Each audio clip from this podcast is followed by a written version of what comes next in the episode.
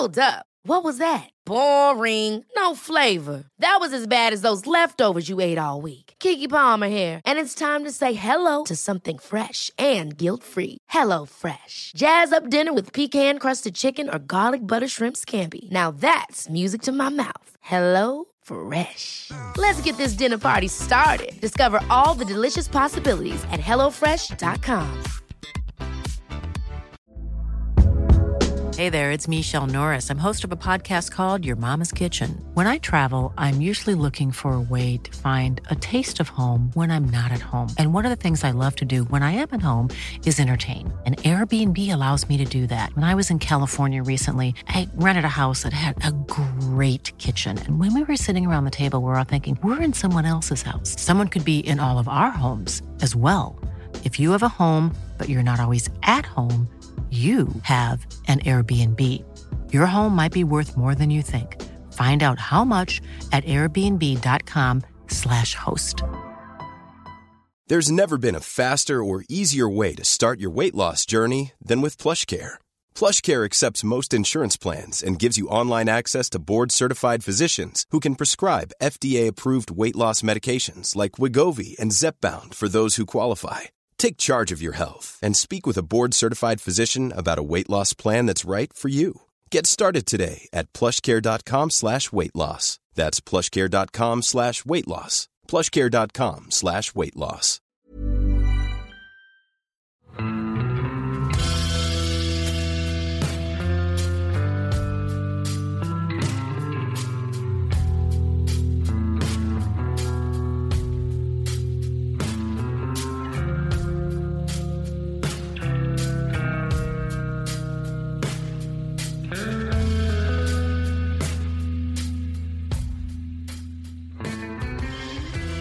Hei og velkommen til podkasten Uteliv.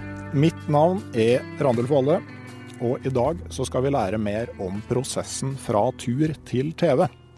For hvordan tenker og jobber egentlig dem som får ansvaret for å lage TV av opptakene som Jens Kvernmo, Lars Monsen eller andre friluftsfolk har gjort på turene sine? Med meg for å snakke om det temaet her, har jeg to gjester som både er erfarne turfolk og erfarne innen det å lage TV av tur. Den ene går så vidt jeg vet langt og lenger enn langt, mens den andre er ivrig fluefisker, sjøl om han er allergisk mot fisk. Hjertelig velkommen til Eva Laukøy og Kjartan Ovesen. Takk for det. Takk for det. Eh, Vi sitter nå i, eh, I manuset mitt så står det at vi sitter i vårsola utafor NRK på Tyholt. Sola forsvant, men eh, det er vår. Men vi skulle ut, da. For sjøl om dere er turfolk og jobber med tur-TV, så har arbeidsdagene deres i lang tid vært prega av å sitte inne i mørke, små rom. Hva er det dere har jobba med i det siste? Ja, det er vår svøpe, det vet du, at vi sitter inne i mørke rom mens vi jobber med folk som er ute og går i vill natur. Så vi får det liksom bare litt indirekte, da. I det siste har vi jobba med Jens i villmarka. Eh, en serie som har gått på TV nå eh, nylig, i seks episoder. Og det har tatt sin tid å få ferdig. Men det er ikke det eneste dere har jobba med av eh, turrelatert TV. Vi kan begynne med deg, Kjartan. Hva, hva slags eh, merittliste, for å kalle det, har du på tur-TV-fronten? På tur-TV-fronten så, så er det jo eh, to serier med Jens nå, eh, som også er laga sammen, jeg og Eva. 'Vinterdrømmen' og så 'Jens i villmarka'. Og så har vi laga to sesonger med programserien 'Helt alene', hvor det er ganske unge folk som eh, er ute og prøver seg på tur.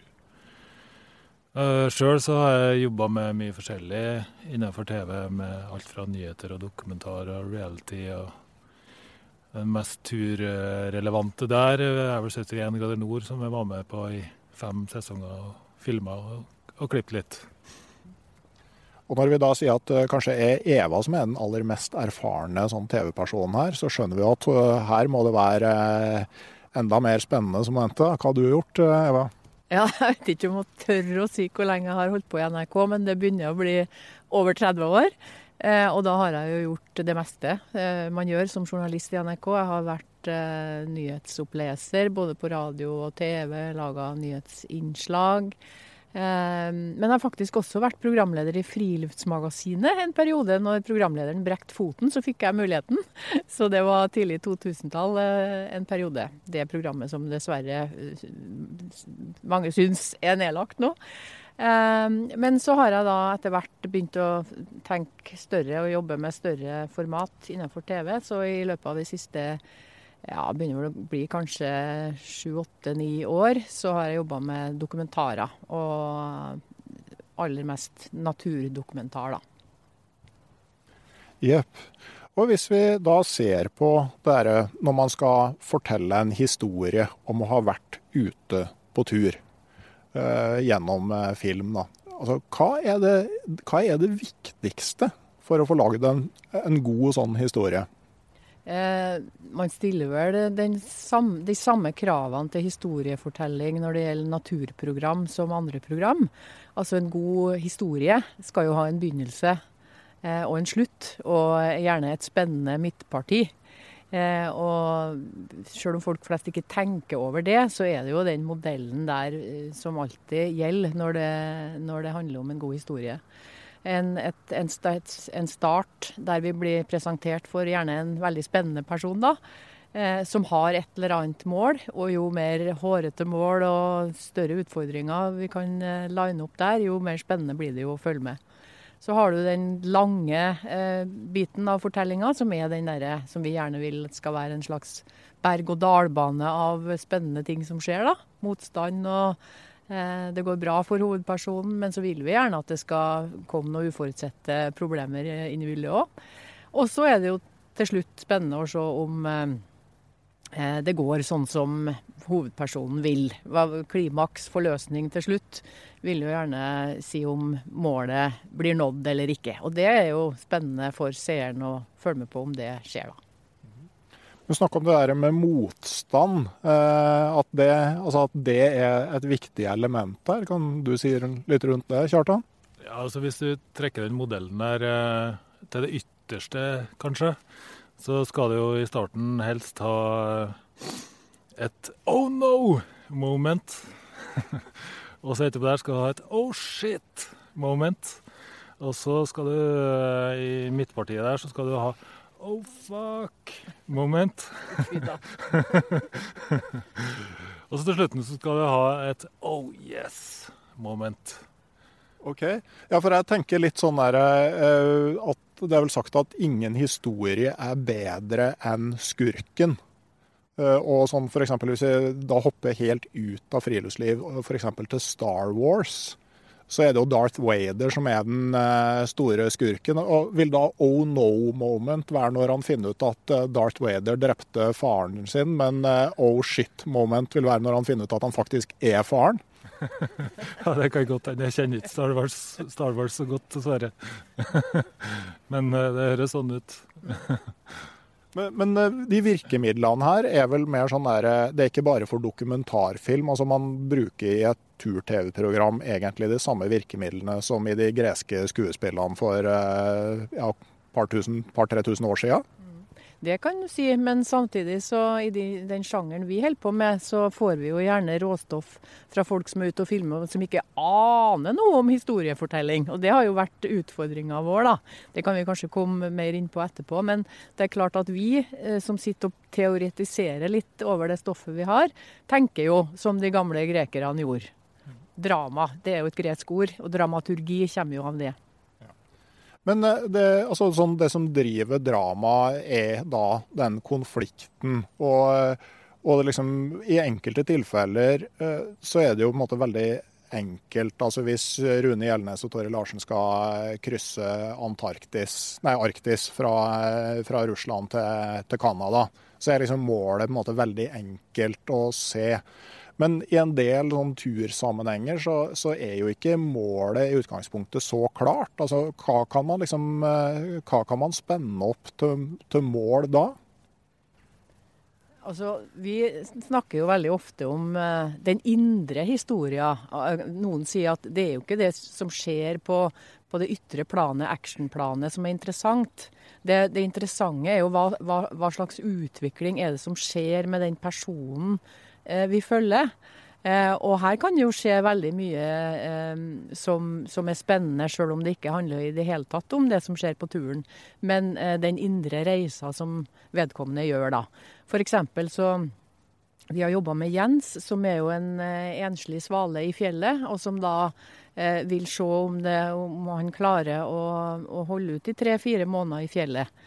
Så vil jo den her ensomhetsfølelsen, følelsen av å ha gjort noe som han eh, ikke helt vet var lurt, eh, altså alt det som skjer av tankevirksomhet i hodet på han, er jo selvfølgelig da interessant å følge og som kan eh, bli en vesentlig del av, av historia. da. Så, så, her kan man jo se for seg at eh, det handler ikke bare om, om vær og vind. Men eh, det blir jo da, altså når man skal liksom Det med utfordringer og eh, måte, konflikten og utviklinga der, altså er det en risiko for at man blir for fokusert på å finne noe som er vrient og vondt og vanskelig? Altså sånn, Kan man lage god TV av en tur hvor alt gikk som planlagt? Ja, det kan vel alltid. Så, så har du jo eksempler på det helt motsatte av eh, dramaturgi. Eh, Eh, altså, naturpro nat klassiske naturprogram eh, de har jo ikke så mye av det her. Og så har jo han Per Jarle, kan det hete? Hegdalsvik. ja. Han har laga Fotograf i NRK Natur som er bosatt i Molde. Ja. Han har jo laga et kjempeflott eh, program, eh, tror jeg, ti år siden. 'Lyden av natur'. Og det er rett og slett en halvtime bare med, med bilder og voldsomt god lyd av natur. Ja, for jeg tenker jo at eh, spesielt på mer sånn kommersielle TV-kanaler, så kan jo det der eh, higet etter eh, noe som er farlig og vanskelig og sånn, bli egentlig ganske parodisk. Altså, jeg tenker Det er vel Bear Grills som er mann mot natur.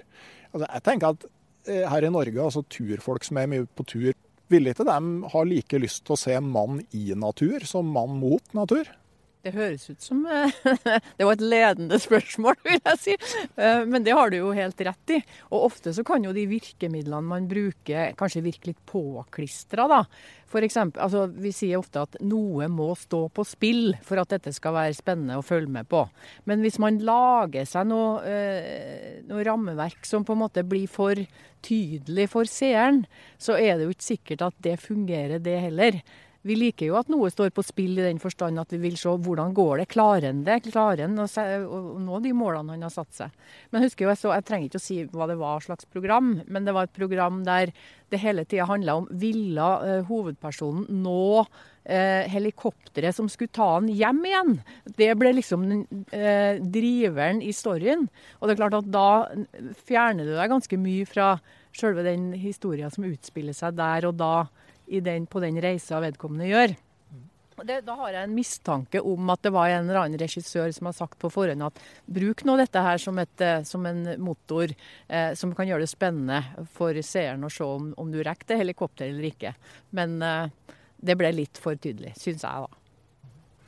Jeg bare i forhold til det der, så mm, med det, har jeg laga til sammen tolv episoder med Jens. Uh, og i den forrige serien 'Vinterdrømmen' så, så var det en, to av episodene, jeg tror det var episode fire og fem, hvor det egentlig sto ganske lite på spill. Hvor han bare dro rundt i fjellheimen og egentlig bare kosa seg. Og fått, uh, fått fra mange hold veldig gode tilbakemeldinger på akkurat dem to. At det var, det var sånn Bli med Jens på tur, ut og kos deg. Uh, få, få, følelsen av å være ute i naturen. Så det trenger ikke å være eh, det store at at det, står så mye på spill, egentlig. Men eh, Jeg tenker kanskje når dere to forskjellige grupper der? At liksom de som er mer interessert i drama, for å sette det på spissen, enten det er Paradise Hotel eller Monsen på villspor, da. Eh, altså sånn eh, at det spenninga eh, er det ene man kan se på det for, og det andre er fordi man liker å være ute i naturen og vil bli tatt med ut. Jeg tror nok at de fleste vil synes det er OK at det skjer noe uforutsett. At det kommer noen overraskelser underveis. Og når vi redigerer, så tenker vi jo ofte sånn i plusser og minuser. Altså at det skal være noen vendepunkt eh, hele veien bort igjennom. Eh, og sjøl om man koser seg i naturen og det er feel good, så kan det godt være litt plusser og minuser som gjør at det blir litt eh, dynamikk i det som skjer. Med plusser og minuser så mener vi jo selvsagt at det går bra for hovedpersonen, men så så kommer det et eller annet som gjør at den snubler, og, og, og det blir spennende å se hvordan, hvordan, det går. Så det der å balansere de plussene og minusene er jo på en måte litt av den jobben vi gjør, da. Nei, for jeg tenker også at uh, altså det at sakte-TV har blitt så populært som det faktisk har blitt. Og, og sånn som i sommer, da, når, eh, eller fjor sommer, hvor folk benka seg for å følge sakte-TV gjennom den norske fjellheimen. Det sier jo kanskje noe om at det er, det er flere grunner til at folk ser på den type program. Ja, eh, når vi laga den første serien igjen, så, så var, fikk vi et lite mandat i den retning, faktisk. Eh, om å lage, lage, et litt sånn sakte-TV av, av av Turnas. Men eh, så var det såpass mye spennende som skjedde. Det var så mye eh, fine ting og opp- og nedturer. Så, så svært å, å, henge på dem. Og da, da passer ikke så bra med en sånn langsom klippestil. Da må det henge litt mer på dramaet som skjer. Ja. Eh, men jeg tror nok kanskje det at folk har et behov for å få litt sånn meditasjon foran TV-en av og til òg. Å se vakker natur i seg sjøl er det eh, noe folk setter pris på. Og det, eh, og det tror jeg at de får gjennom type sakte-TV, sånn som det som gikk i, i sommer. da. Det trenger nødvendigvis ikke å være å være så mye dramatisk som skjer, nei. For at eh, folk skal sitte klistra. Og så er det jo litt i, i måten som vi jobber på. så når vi klipper et program, så, så klippes det ganske forholdsvis eh, fort ferdig. Et grovutkast. Og når vi har gjort det, så bruker vi å få inn eh, folk til å komme og gi oss tilbakemeldinger. Eva er utrolig åpen og god på den prosessen der. Eh, og, eh, og da, da lytter oss på eh, hva folk sier til oss. Og da har jeg fått en del sånne overraskelser hvor vi har drevet og skrudd til en del og putta inn det som vi syns er det mest dramatiske her. Men så kan jeg ofte få en tilbakemelding på at jeg vil ha noe mer pauser. og oppleve mer naturen innimellom. Men eh, jeg tenker det er jo forskjellige veier måte, fra tur til, eh, til, ferdig TV. Eh, noen blir, for, sånn som Jens, da, oppdaga på YouTube, eller før den tid så kom de vel tassende til NRK med en Rema-pose full av videokassetter. Og Det er liksom én innfallsvinkel for dere. Jeg vet at eh, det er et internbegrep som heter en plastposeproduksjon, og det er ikke et positivt lada begrep nødvendigvis. Men kan dere si noe om måte, hva er fint med den måten å gjøre det på? Uh, i første omgang. Hva, hva, er det man får ved liksom å hente noen inn som egentlig ikke visste at de skulle lage TV? Uh, det sier seg jo sjøl at er du alene i naturen med bare et kamera som følgesvenn, så så, og ikke et team som går rundt deg og sier hva du skal gjøre og hva du skal si, så får du en helt annen nerve eh, enn, enn, hvis du eh, alt er planlagt på forhånd. Så det er jo det som først og fremst er kvaliteten med det her, at det er en ekthet og en nerve i det som Og det er jo derfor vi har gått løs på så mye materiale òg. Eh, det starta jo for min del med Eventyrjenter, da, eh, der det hadde hopa seg opp med den type plastposer på, eh, på kontoret til redaktøren i, i, Natur i Bergen, som kom til oss og spurte om vi kunne se på dette her og se om det kunne gjøres noe med det. Og det var tilfeldigvis mange jenter. Så det, det var utgangspunktet for Eventyrjenter. Men det er klart at det, var mye det var mye å rive seg i håret over det som var der, men så var det å finne gullet i gråsteinen, da. Ja, hva er det man eh, liksom, typisk river seg håret over når man begynner å se gjennom sånn materiale som det er?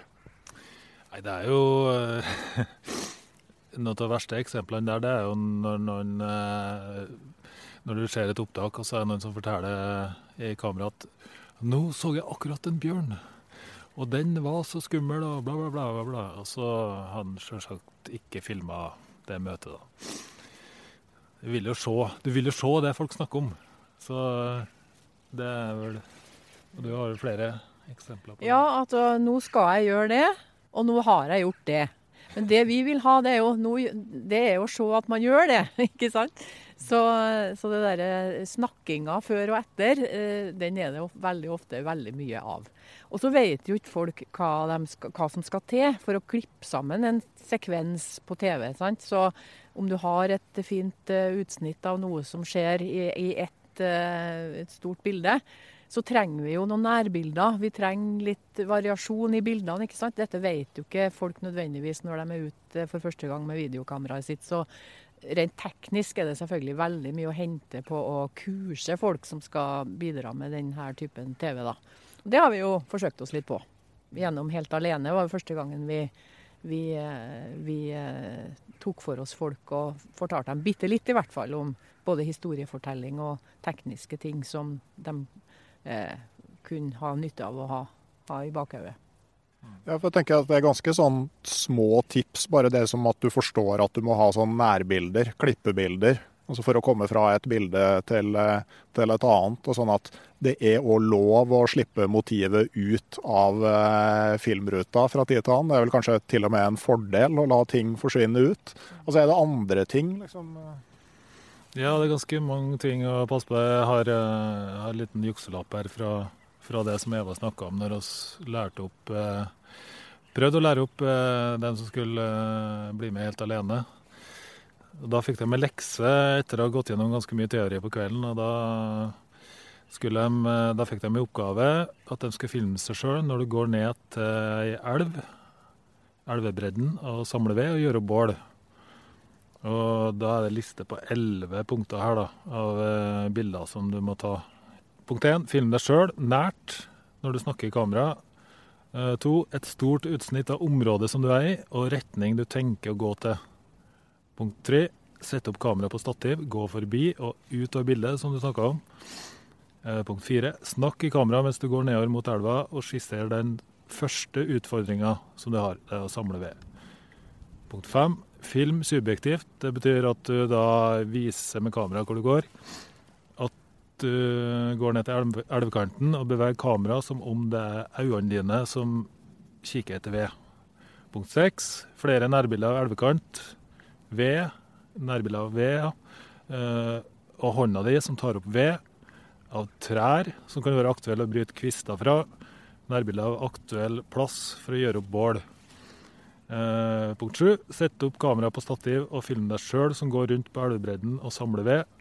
Punkt 8. Snakk i kamera, fortell hva du tenker, planlegger. Punkt 9.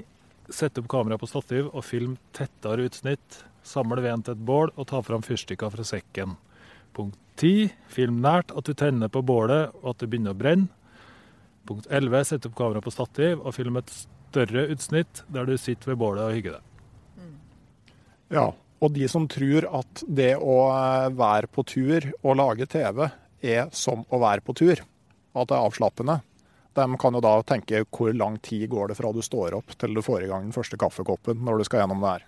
Ja, nettopp. Og det tenkte jeg ofte på sjøl når jeg er på tur, for når jeg er på tur, så slipper jeg å gå med kamera. Og da tenker jeg enn hvis jeg skulle ha filma det her nå i tillegg. Eh, Og det sier jo litt om eh, og det er jo gjerne sånn, vi sier jo ofte det også, at eh, film når du er sliten. Film når, når, du har det som verst. Det er det vi vil se. Det er da det er følelser i det. Og, og, og det kan man jo bare tenke seg sjøl hvor krevende det er. Det tar i hvert fall dobbelt så lang tid som øh, å filme mens man er på tur, som å være på tur. Så øh, det tror ikke jeg folk flest tenker over. Jeg tror, tror det tar mye mer enn dobbelt så lang tid når du er alene. For at at du hele tida må langt tilbake og hente, og så bomma du på øh, Altså du kom tilbake så fant du ut at du var faktisk ikke i filmruta likevel der du hadde gått. Og, Og, så, så, det er ikke noe sånn der veldig, veldig raskt og enkelt. Men det er jo veldig greit å notere seg altså det med at du hele tida skal fortelle en historie, og at du må tenke lange sekvenser av bilder som følger etter hverandre. Altså, Har du filma at dere steiker fisk, så må du filme at du spiser den òg, hvis historien skal bli ferdig. ikke sant? Ja, nettopp. Og det er jo det vi sliter med da, når vi får inn sånne plastposer der folk ikke har gjort det. Og da må jo vi prøve å lure det til og trikse til likevel. For kanskje så er det noe med denne personen som gjør at vi vil lage et TV-program. Og eh, så må vi jo bare prøve å finne ut hvordan vi skal komme oss rundt, da. Og det har vi nå. Det er også en sånn rive seg i håret-situasjon som vi ofte er oppi, da. ja, sånn i klippen, hva kan man gjøre da, for å komme seg rundt sånne ting som det er? Ja, først og fremst så er det jo en enorm loggejobb som ligger bak, som Eva gjør i alle de tilfellene her. Går og kikker gjennom alt av materialet. Det, det må du forklare om sjøl. Ja, det, det, er jo tidkrevende. Det tar jo den tida det har tatt å filme, pluss litt til, da. Eh, men da har jeg et system der altså jeg skriver opp tidskoden, slik at det er lett å finne igjen de tingene som, eh, som vi skal ha. Men så har jeg også et sånt stjernesystem som jeg har funnet på sjøl. Hvis jeg setter en stjerne i margen, så tenker jeg at dette her må vi ha. Og hvis det står to stjerner i margen, så skal vi i hvert fall ha det.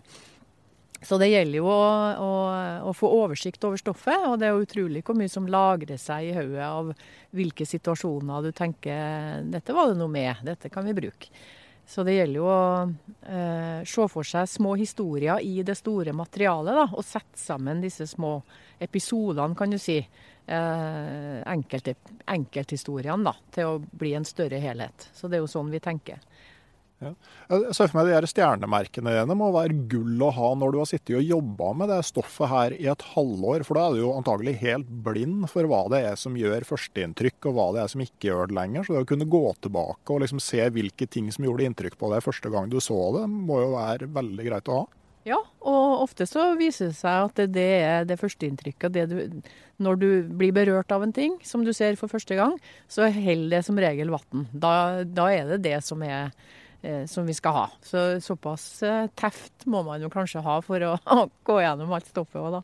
Ja, og så tenker jeg motsatt òg. Det som ikke funka når du så det første gangen. Og Så kan man jo gjøre tabben med å se det fem, seks, sju ganger, og så blir man vant til hvordan det er, og, og tror at det er bra, sjøl om det faktisk ikke er det. Nei, men det, man har litt erfaring etter hvert for å finne ut hva som funker. Så det, det er mye ræl, og det ser vi fort.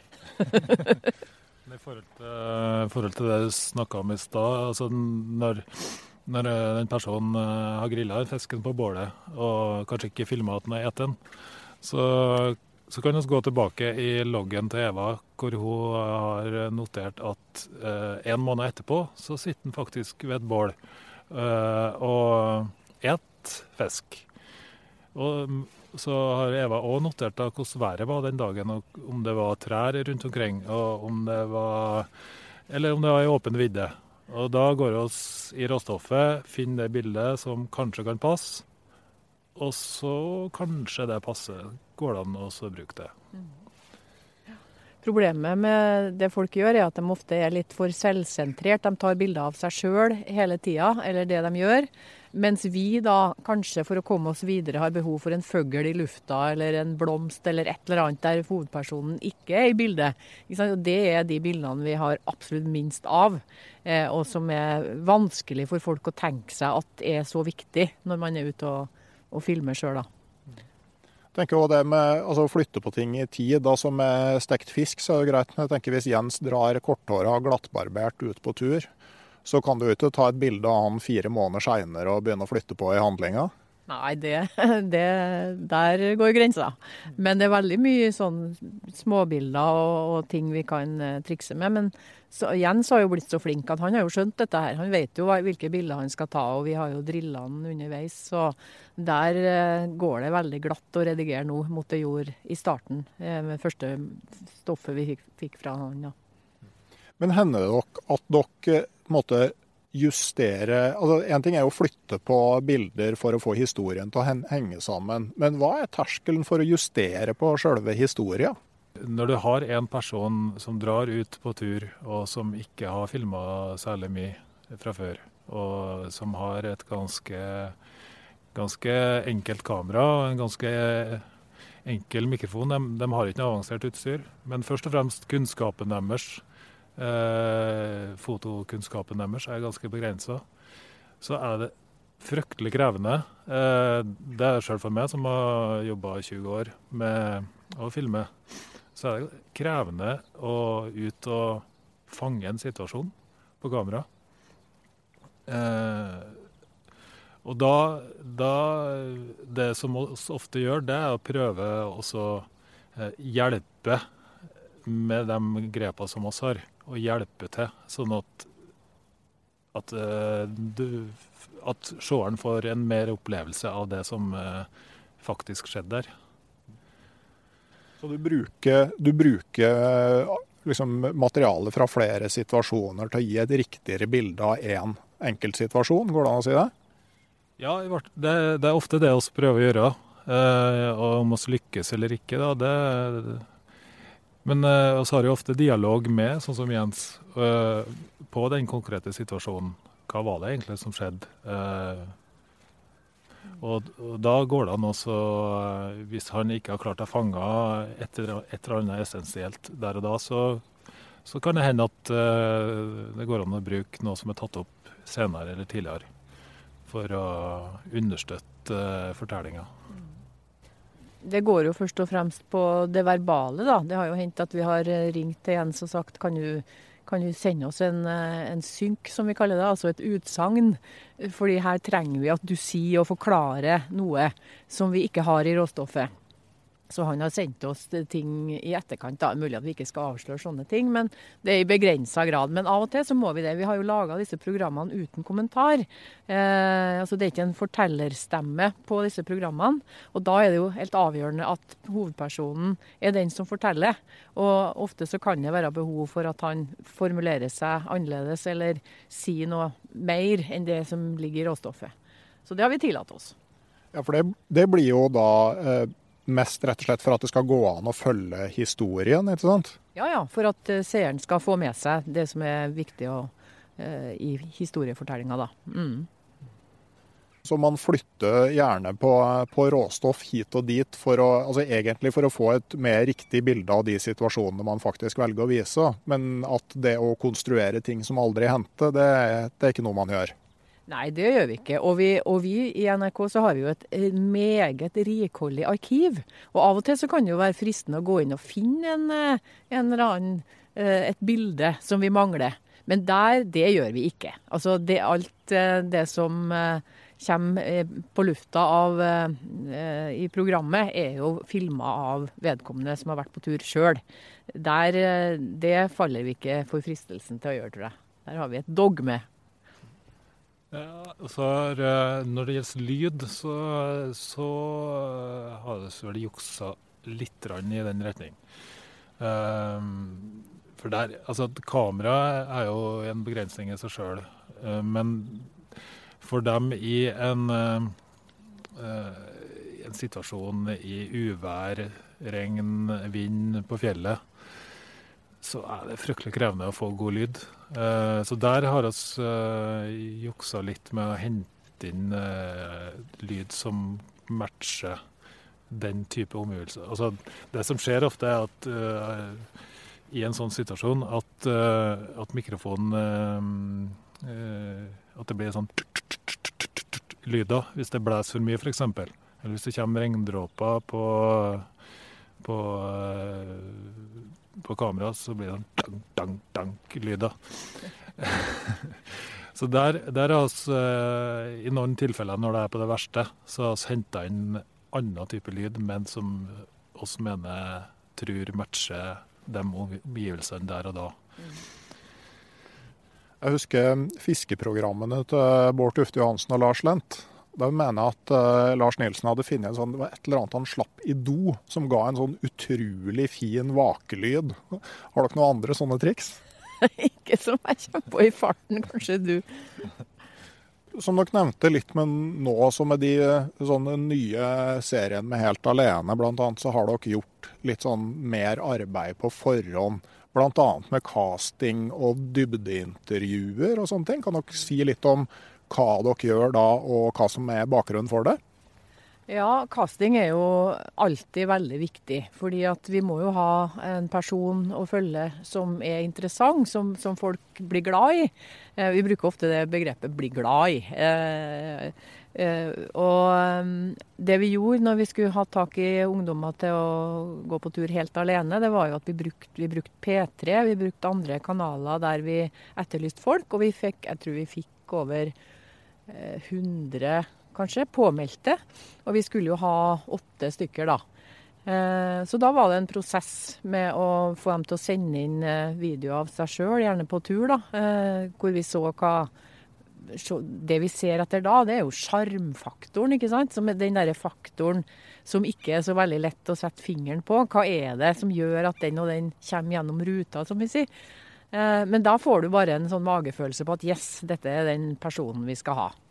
Så det var jo en prosess der det ble færre og færre igjen. Da. Til slutt så var det åtte stykker som vi da kalte inn på, til, på kurs eh, i to dager og møtte dem. Og jeg tror ikke vi ble skuffa over noen av dem. Nei. Det var en fin gjeng. Ja. det tenker jeg, og Hvor viktig er sammensetninga til gjengen da? Ja, vi var jo selvfølgelig ute etter å få en balanse i kjønn. Da vi laga to sesonger med eventyrjenter, og mange gutter sto jo og skrapa på døra og ville bli med på dette her. Så vi må jo det var jo helt sikkert at vi måtte ha noen gutter med. Men det ble jo en lik fordeling av det. Og alder, da gikk vi jo ut og sa at de skulle være fra 15 til 25 år. Så vi fikk jo en bra eh, spredning på alder og geografi. Sant? Noen i Rogaland ville jo gjerne se noen med rogalandsdialekt på TV, så eh, vi fikk ganske god spredning fra Nord-Norge og fra Østlandet og Trøndelag. og ja. Eh, ja, men jeg tenker på sånn med personlighet òg. Eh, en sånn annen podkast jeg har hørt litt på, er den som eh, Tons of Rock-festivalen hadde. Det, det, var et år eller to siden de la ut den episoden. Men de hadde et veldig artig intervju med, med Christer Falk. Som snakka om da han var på audition til den aller første Robinson-ekspedisjonen. Og han kommenterte at alle de andre trodde de var på jobbintervju.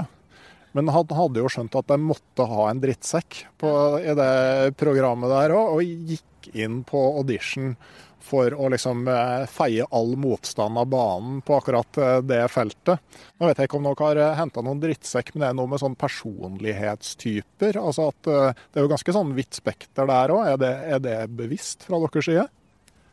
Nei, altså I en realityserie, når du setter folk sammen, så, så, så trenger de jo forskjellige personligheter for å utfordre hverandre og skape drama og tjohei. Men de her drar jo for seg sjøl på tur, så da, da, da blir det litt annet.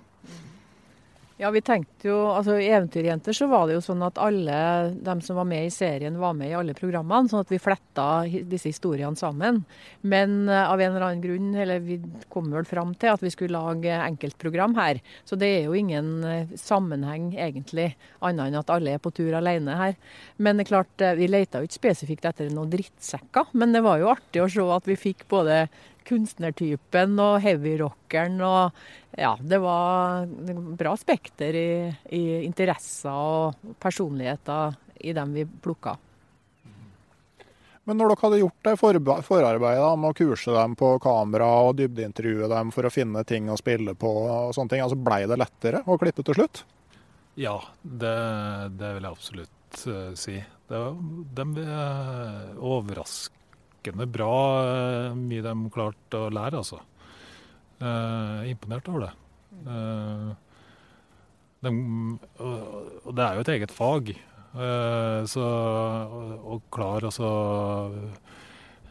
ja, som jeg nevnte tidligere, det er krevende å filme seg sjøl på tur. Så det å komme såpass langt som de gjorde, det er jeg imponert over. Ja, Du spurte om de dybdeintervjuene. Vi gjorde jo et dybdeintervju med hver enkelt på det kurset. Det er jo mest for å finne ut ligger det noe i ballasten til hver enkelt som kan være interessant å bruke i et program. Og det gjorde det jo absolutt. Folk hadde nå sine historier med, med, utfordringer som eh, selvfølgelig kan altså Som jeg snakka om før, dette med den reisa som folk gjør på det indre planet da, når de er på tur. Eh, og vi kunne da liksom se for oss eh, hva er det her som kan brukes. Og tipse dem om det, at nå kommer du inn på det. F.eks. hadde vi ei jente som har vært veldig syk eh, av anoreksi. og som har brukt turlivet som medisin kan du si, for å komme til hektene igjen. Og det er klart at det er kjempespennende som en, som en motor i det programmet. Å høre om det, og, og, høre hvordan hun har brukt det. Eh, så det ligger veldig mye i historiene folk bærer med seg som, som kan brukes i en sånn sammenheng.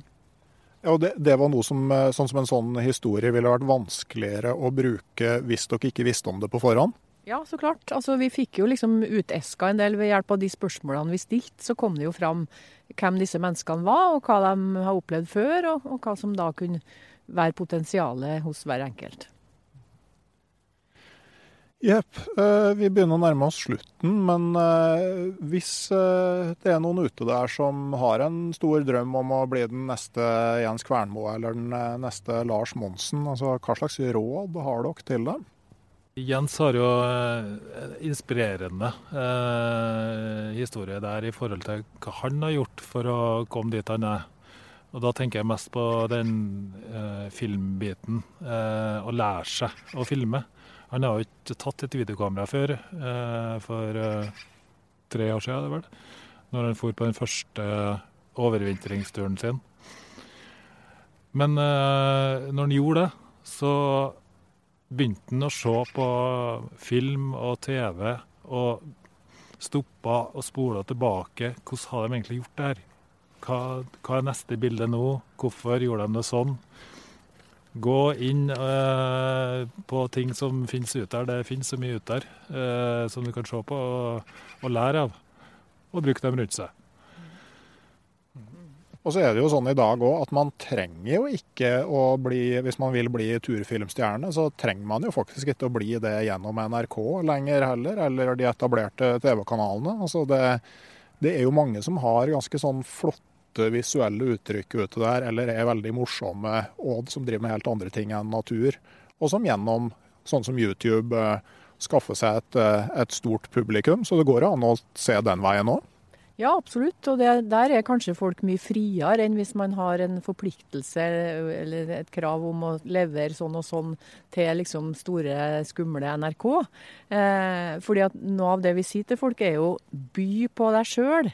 Det er kanskje det viktigste rådet vi kan ha. Altså kom, med, kom fram med den du er.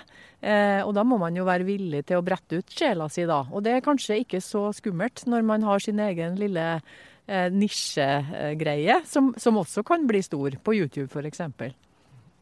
Da eh, har vi kommet til slutten her. Eh, jeg skal eh, si takk til dere begge to for at dere ville være med og dele litt av det som foregår bak eller i klipperommet.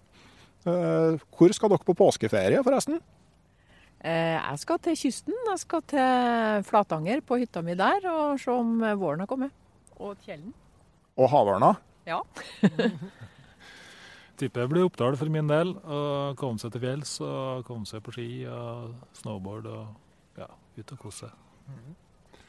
Jeg skal avslutningsvis nevne at podkasten Uteliv har et eh, samarbeid med Camp Villmark. Villmarksmessa på Norges varemesse, som går av stabelen 26. til 28. april. Det er første helga etter påske.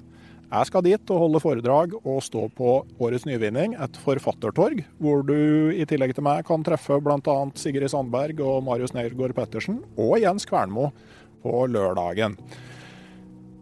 Jeg skal òg takke dere som er med til å spre ordet om eh, podkasten eh, Uteliv. Jeg setter veldig stor pris på eh, ratinger i iTunes og på Facebook-sida, deling på sosiale medier og de som sprer ordet foran leirbålet. Hvis jeg kan komme med ett ønske, så er det at dere tar turen innom randulfvalle.no og registrerer dere på mailinglista. For det er nå engang sånn at sosiale medier ser ut til å komme og gå.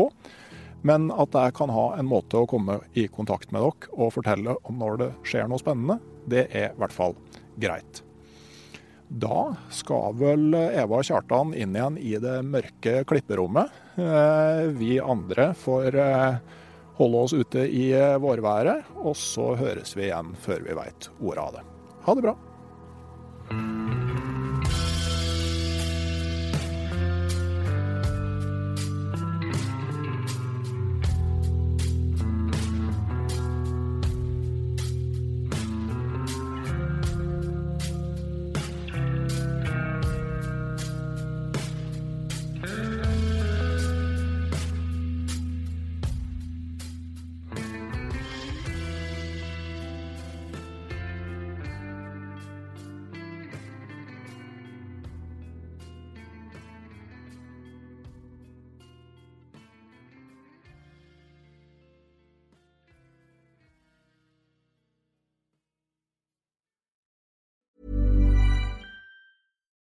We're on a budget, we still deserve nice things.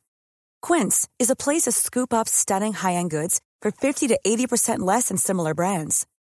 They have buttery soft cashmere sweaters starting at $50, luxurious Italian leather bags, and so much more. Plus, Quince only works with factories that use safe, ethical, and responsible manufacturing. Get the high-end goods you'll love without the high price tag with Quince. Go to quince.com slash style for free shipping and 365-day returns.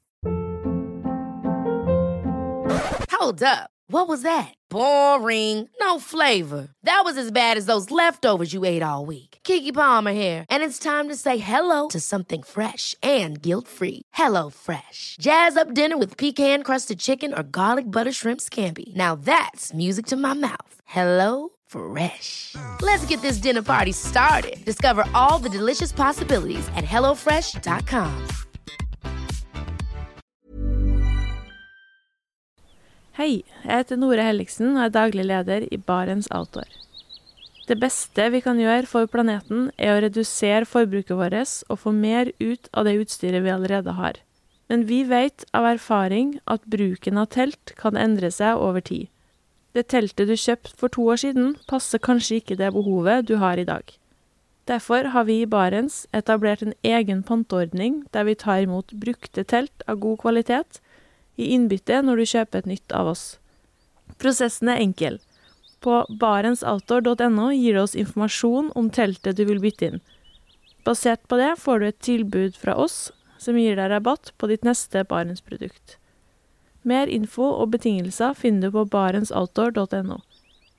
Og husk at den første reparasjonen på produkter fra Barents er alltid gratis.